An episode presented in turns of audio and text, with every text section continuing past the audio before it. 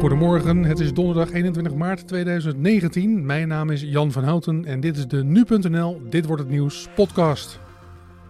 Het is lente, een nieuw begin voor de natuur, maar ook een nieuw begin in de provinciehuizen en in de Eerste Kamer. Gisteren was het namelijk de dag van de verkiezingen voor de provinciale staten en deze podcast staat vooral in het teken van de uitslagen. En dat doe ik niet alleen. Straks krijg je een analyse van onze nu.nl politiek verslaggevers Avinash Biki en Edo van der Groot. Uh, deze, nou ja, je zou het kunnen noemen Nederlandse midterm. Uh, belooft weinig goeds voor uh, partijen als de VVD. Die een beetje zoekt naar een koers. CDA met Buma, die een beetje ook zoekende is. D66 heeft net een nieuwe leider met Rob Jetten. Dat straks, maar eerst even de uitslagen. De winnaars zijn het Forum voor Democratie en GroenLinks. De verliezer is het kabinet Rutte.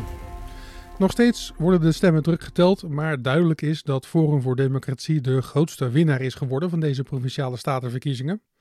Volgens de voorlopige prognose van het ANP heeft de FVD landelijk de meeste stemmen gekregen, op de voet gevolgd door de VVD. Beide partijen komen uit op 12 zetels in de Eerste Kamer. Dat betekent dat de VVD één zetel inlevert van de huidige 13. Niet alleen de VVD heeft verloren, ook andere regeringspartijen moeten zetels inleveren. Het CDA daalt van 12 naar 9 zetels, D66 van 10 naar 6. De ChristenUnie is de enige coalitiepartner die winst boekt. De partij stijgt van 3 naar 4 zetels in de Eerste Kamer. De prognose laat zien dat de regeringscoalitie met 31 zetels de meerderheid kwijt is in de Eerste Kamer. Ze komen 7 zetels tekort en zijn dus afhankelijk van de steun van andere partijen. GroenLinks kan helpen aan een meerderheid. De partij heeft flink winst geboekt en gaat van 4 naar 9 zetels. Ook de PvdA is een mogelijke samenwerkingspartij. Zij verloren weliswaar een zetel in de Eerste Kamer, maar met de overige zeven kunnen ze de ploeg van Rutte aan de meerderheid helpen. Op provinciaal niveau, daar gaan deze verkiezingen tenslotte over, is de winst van het Forum voor Democratie ook zichtbaar. De partij is in Flevoland de grootste geworden en staat in de prognoses op voorsprong in Noord-Holland en Zuid-Holland. Lang was het idee dat ook de provincie Groningen naar het FVD zou gaan, maar de meeste stemmen gingen in die provincie toch naar de Partij van de Arbeid. En ook Drenthe neigt naar de PvdA. Volgens nog is de VVD de grootste in Noord-Brabant en Gelderland. Het CDA staat in de prognose aan kop in Friesland, Overijssel, Zeeland en Limburg. En in de provincie Utrecht gaat GroenLinks vooralsnog aan kop. Ook in de stad Utrecht heeft GroenLinks veruit de meeste stemmen gekregen. Bijna 28% van de stemmen in die stad ging naar GroenLinks. Op afstand gevolgd door D66 en de VVD. Ook Amsterdam en de stad Groningen stemden massaal op GroenLinks. In Rotterdam heeft het Forum voor Democratie de meeste stemmen gekregen. Den Haag stemde vooral op de VVD.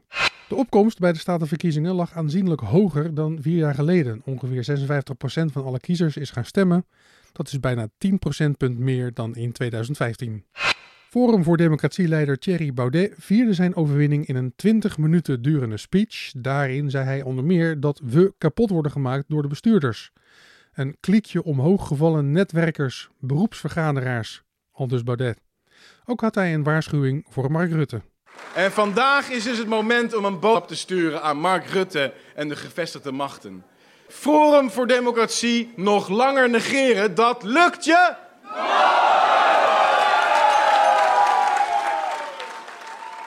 De winnaar aan de andere kant van het politiek spectrum, Jesse Klaver van GroenLinks, had eenzelfde soort boodschap. En morgen breekt er een nieuwe dag aan. Dan is het lente. En dan rust op ons een zware verantwoordelijkheid. Om onze nieuw verkregen positie in de Eerste Kamer zo te gebruiken dat we Nederland kunnen veranderen. GroenLinks is niet te stoppen, de progressieve beweging is niet te stoppen. En samen gaan wij Nederland veranderen. Dank jullie wel. we gaan nu dieper in op de uitslag en wat dit allemaal voor Nederland betekent. Dat doen we met onze politieke redactie, die de hele nacht in touw is geweest. Onze redactiechef Lindsay Mossink is vannacht onze podcaststudio ingedoken om te praten met politiek verslaggevers Avinash Biki en Edo van der Groot. Ja, verkiezingsavond zit erop. Voor ons altijd een feestje. Niet alleen vanwege het vele nieuws dat op ons afkomt, maar toch ook wel omdat we dan met dank aan de baas met z'n allen van een heerlijke rijsttafel kunnen genieten. Het was voor nu.nl een drukke avond, want we hebben te maken met een aardverschuiving in de Eerste Kamer. Daarover zit ik hier met onze politiek verslaggevers Avinash Biki en Edo van der Groot. Avi, met deze verkiezingen hebben we de leden van de Provinciale Staten en de waterschappen gekozen, maar het draaide natuurlijk vooral om de Eerste Kamer. De uitslag van de Provinciale Staten is namelijk bepalend voor de zetelverdeling in de Senaat. Aan jou de eer, de Eerste Kamer. De Eerste Kamer, dat is eigenlijk uh, waar iedereen naar uitkeek. Uh, wat gaat er gebeuren? Zou de coalitie de meerderheid verliezen? Uh, hoe zou Thierry Baudet het gaan doen, de nieuwkomer? Forum voor Democratie. En op basis van de eerste exit polls die er zijn verschenen, uh, zien we dus inderdaad dat die uh, coalitie de meerderheid verliest. Maar de grootste winnaar van vanavond, uh, van gisteravond, is natuurlijk Forum voor Democratie. Wij zijn aan het bouwen. We zijn bezig een partij te bouwen met een opleidingsinstituut, met lokale afdelingen, met provinciale fracties. Met een Eerste Kamerfractie, met een Tweede Kamerfractie, met een Europese parlementsfractie. Wij gaan een nieuwe generatie opleiden en we gaan de huidige leiders vervangen en verslaan. We horen Baudet oproepen tot nieuwe verkiezingen. Is dat, is dat eigenlijk reëel, Avi?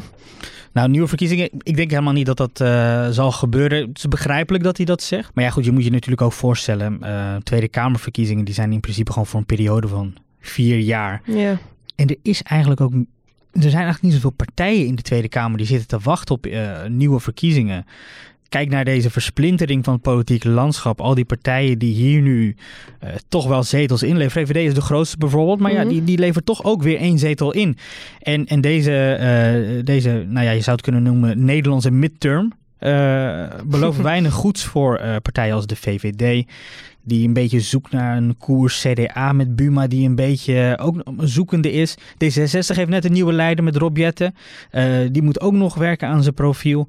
En uh, enige die het eigenlijk ja, wel prima vindt is ChristenUnie. Maar uh, ik denk niet dat uh, ook GroenLinks bijvoorbeeld of de P van de A... Ja, die zitten allemaal nog niet te wachten op nieuwe Tweede Kamerverkiezingen. Gaat ook niet gebeuren, denk ik. Edo, um, Forum gaat zijn nieuw verworven positie in de Eerste Kamer niet gebruiken om de coalitie te helpen, denk ik zo. Hoe gaat Forum in de race zitten, denk jij? Nee, ik, ik denk dat je er wel gelijk in hebt. Uh, to put it mildly. Uh, ik heb uh, die Eerste Kamer fractievoorzitter Henk Otte... heb ik al samen met Thierry Baudet overigens in november gesproken... over de mogelijke koers, wat ze, wat ze gaan doen. toen hadden ze het al over nou, een radicaal andere koers op punten als immigratie. De grenzen moeten dicht, klimaat, stoppen van het klimaatakkoord... directe democratie, herinvoering van het referendum... Nou, dan zou je zeggen dat uh, dat is al ingewikkeld genoeg om, uh, om daar steun voor te krijgen. En daarbovenop willen ze eigenlijk ook nog, uh, of eisen ze eigenlijk ook nog het ontslag van de bewindslieden. Dus dan heb je het over Mark Harbers, Erik Wiebes en Kasia Onlongren. Pas daarna wil de partij gaan praten om eventueel zaken te doen. Dus dat wordt ingewikkeld. Ja, kans op samenwerking is dus... Nihil. Precies. Ja. Avi, jij zei net op de redactie uh, wel iets interessants. Um, je zei, hoe gaat Forum dit nou eigenlijk allemaal doen? Al die provinciale statenleden uh, moeten naar de provincies nu. Uh, tien nieuwe senaatsleden, allemaal nieuwkomers. Ja, ja, Wat ja. verwacht je daarvan? Nou, ik ben heel erg benieuwd. Uh, een van de kritieken die, uh, die, die je hoorde hier en daar um, was toch wel dat nou ja, deze senaatsleden die waren allemaal onzichtbaar in de hele campagne. Um, Thierry Baudet is ook iemand die, denk ik, uh, nou althans dat zegt hij zelf, omdat de partij nog uh, groeiende is, heel veel controle in eigen handen wil houden. Um, je zag dat we een aantal maanden geleden was het geloof ik alweer dat die partij... Um, ja, toch wel een interne bestuurscrisis had, omdat Thierry Baudet zoveel taken naar zich toe trok. Ja. Ja, nu krijg je dus allemaal nieuwe statenleden her en der. Dus is nog maar de vraag, ja, uh, uh, gaan ze ook komen opdagen bij die uh, statenvergaderingen? Dat is dan één kant. Aan de andere kant heb je dan weer die Eerste Kamer. Mm -hmm. um, nou, daar zitten ook allemaal nieuwe mensen in die zichzelf willen profileren en die zichzelf ook belangrijk vinden.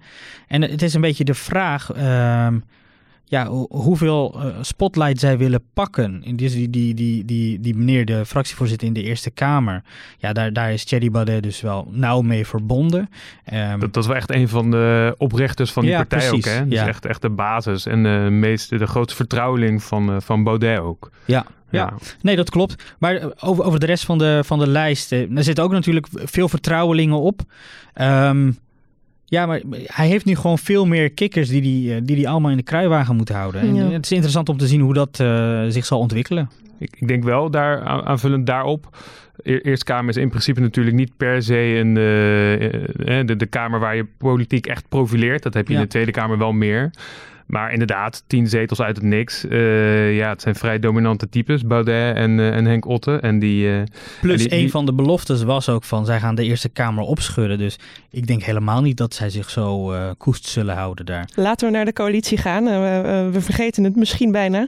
De coalitie van VVD, CDA, D66 en ChristenUnie had 38 van de 75 senaatzetels. Ja. Wat betekent dit voor de stabiliteit van kabinet Rutte 3? Ja, de, de stabiliteit aan zich. Kijk, Rutte maakt zich, uh, zich niet zoveel zorgen. Die, uh, die, die spreekt dat uh, hardop uit. of de Wekkert voeren we ook wel gesprekken met, met mensen dichtbij het kabinet en de coalitie. En die zeggen ook van ja, we, we hebben gewoon wel vaker zaken gedaan en dat komt wel goed. Uh, nou goed, als je nu ook kijkt, uh, PvdA en GroenLinks zijn ook twee partijen die, uh, die de, de, coalitie aan de meerderheid kunnen helpen. Dus ja, Rutte is het wel gewend. Die, die, die heeft al met, dit is de derde keer, de derde Eerste Kamer waarin hij geen meerderheid heeft, zo gezegd. Dus die zegt ook van ja, ik moet veel bellen en, en, veel koffie drinken. Dat roept hij al weken. Ja, en dat is nu eigenlijk niet anders. Nee. Ja, ik, ik denk ook dat hij zich, ja, dat deze, deze uitslag best wel meevalt eigenlijk voor hem. De verwachting was dat hij eventueel zelfs met GroenLinks en de P van de A erbij niet eens aan die 38 zetels ja, zou komen. Jij net, ja. Maar als je gewoon kijkt naar, naar deze exit polls, dan zie je dat uh, de coalitie eigenlijk min of meer in een soort luxe positie zit. In de benarde positie die, waar ze in zitten. Namelijk, ze kunnen uh, bij de PvdA aankloppen uh, voor, voor steun. En uh, ze kunnen ook bij GroenLinks aankloppen voor steun. Dus ik denk dat je de komende tijd echt wel zal zien dat uh, ja, inderdaad er veel gebeld gaat worden, veel uh, overlegd zal worden. Maar het kabinet is niet meer afhank per se afhankelijk van een linksblok of iets dergelijks. Edo, um, we moeten het ook even hebben over de plannen die misschien in het geding uh, kunnen komen. We kijken dus vooral naar PvdA en GroenLinks, denk ik. Ja.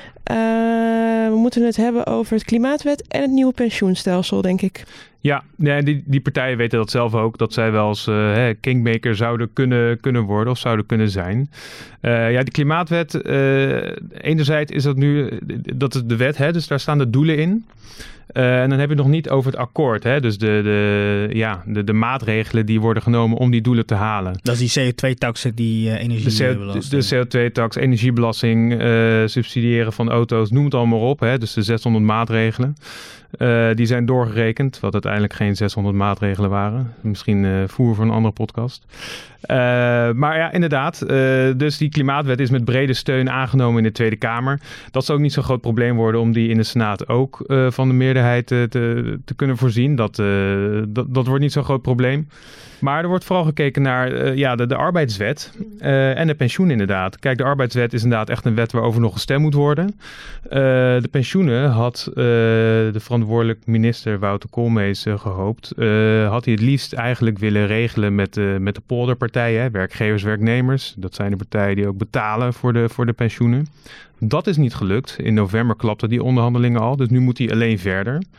Uh, maar dat betekent eigenlijk dat hij die sociale partners uh, buitenspel zet. Ja, daar zijn de, de, vakbonden helemaal niet blij mee. Dat was toch wel de, de, de eisende partij. Uh, en daardoor zijn eigenlijk ook de linkse partijen, dus in dit geval PvdA en, en GroenLinks, ook SP, uh, zeiden ook van ja, als jullie een uh, pensioenakkoord willen hebben, dan mm. moet je echt die bonden erbij uh, bij betrekken. Dat moet nu wel gaan gebeuren. Dus dat wordt wel een spannende deal. Dus Koolmees zal er echt over de brug moeten komen. Wil hij nog een breed gedragen pensioenakkoord in elkaar zetten? Heren, jullie gevoel na vanavond. Ja, ik, ik denk dat wel heel veel mensen verrast zullen zijn door de zetels die uh, Forum voor Democratie binnen heeft gehaald. Ja. ja. Ik zou toch wel weer even gewoon op de cijfers willen wijzen. Kijk, de versplintering van het politieke landschap heeft zich al veel eerder ingezet. Dat is nou eenmaal politieke realiteit waar mee te maken is. Tegelijkertijd zie je ook dat wel dat PVV dus zetels heeft ingeleverd en een partij als de SP dat ook heeft gedaan. En dat zijn traditioneel eigenlijk ook al partijen die uh, ontevreden zijn over bepaalde machtsstructuren en ontevreden zijn over het beleid wat gevoerd wordt. En nogmaals, als je dus kijkt naar hoe dat er vorige keer uitzag en hoe dat er nu uitziet, dan valt dat te overzien. Kijk, als het bijvoorbeeld in een ander land was, in, in Amerika of in, in Frankrijk, hè, dus waar de, waar de keuze zwart of wit is, yeah. dan zal je dat effect veel meer eh, te zien krijgen. Maar in, in, Nederland is het politieke systeem nou eenmaal zo ingericht dat hè, die, die grootste veranderingen die Thierry Baudet uh, wil, ja, daar, daar, zou je toch altijd voor moeten samenwerken. En uh, ja, Nederlands beleid is, is een mammoetanker. dat als je het naar links of naar rechts wil bewegen, dat gaat in hele kleine stapjes. En dan de ene keer gaat het weer naar links en de andere keer gaat het weer een beetje naar rechts. Ja, dat zit gewoon ingebakken in het, in het politiek systeem. Dus ik, ik opende met een aardverschuiving. Het valt dus volgens jou wel mee? Volgens mij valt het wel mee. Edo? Nou, kijk, als je naar de opkomst. Als je puur naar de opkomst kijkt van de Forum voor Democratie, denk ik dat je echt wel kunt spreken van de aardverschuiving. Als je over tien jaar terugkijkt van, uh, maar wat heeft die opkomst van Forum voor Democratie ons dan uh, gebracht? Uh, dan zou je inderdaad wel eens tot de conclusie kunnen komen dat uh, hè, die radicaal andere koers, die de partij graag wil, dat er gewoon helemaal niks van terechtkomt, omdat je inderdaad samen moet werken.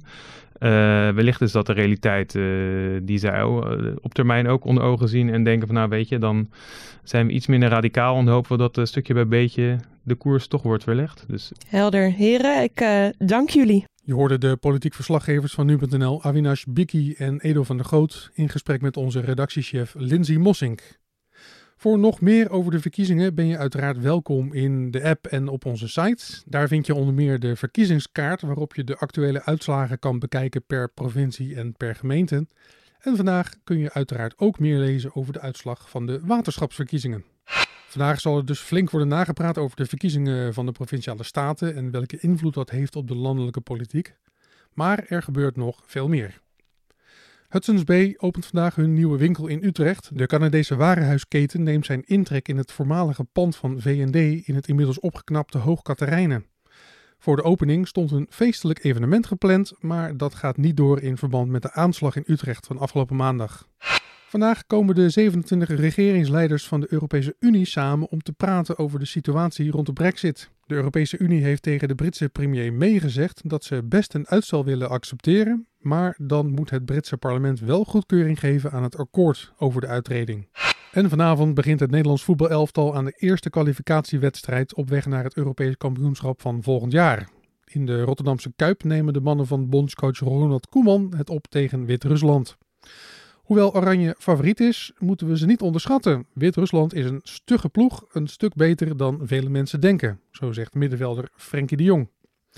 Drie dagen later, op zondag, volgt meteen de tweede wedstrijd voor Oranje. Dan spelen ze in de Johan Cruijff Arena tegen aartsrivaal Duitsland. En laten we nog even kijken naar het weer. De dag begint op de meeste plaatsen bewolkt en die bewolking kan zo laag hangen dat we het mist mogen noemen. Pas laat op de dag verdwijnen de wolken en komt de zon tevoorschijn. Het wordt 11 tot lokaal 16 graden. En dan nog even dit. Vandaag vieren de Hindoestanen het nieuwe jaar. Het is de eerste dag na de volle maand van de Hindoe maand Chaitra. Oli Pakwa, zo heet deze feestdag. En tijdens het Holi-feest werpen de mensen elkaar bontgekleurd poeder toe. Dus iedere Hindoestaan wens ik vandaag Sub Holi toe, oftewel gelukkig nieuwjaar. En dit was hem dan, de Dit Wordt Het Nieuws podcast van 21 maart 2019. Je vindt deze podcast maandag tot en met vrijdag om 6 uur ochtends op nu.nl. Opmerkingen over deze podcast kun je sturen naar podcast.nu.nl of laat een reactie achter in je favoriete podcast app. Mijn naam is Jan van Houten. Voor nu een goede maandag en tot morgen.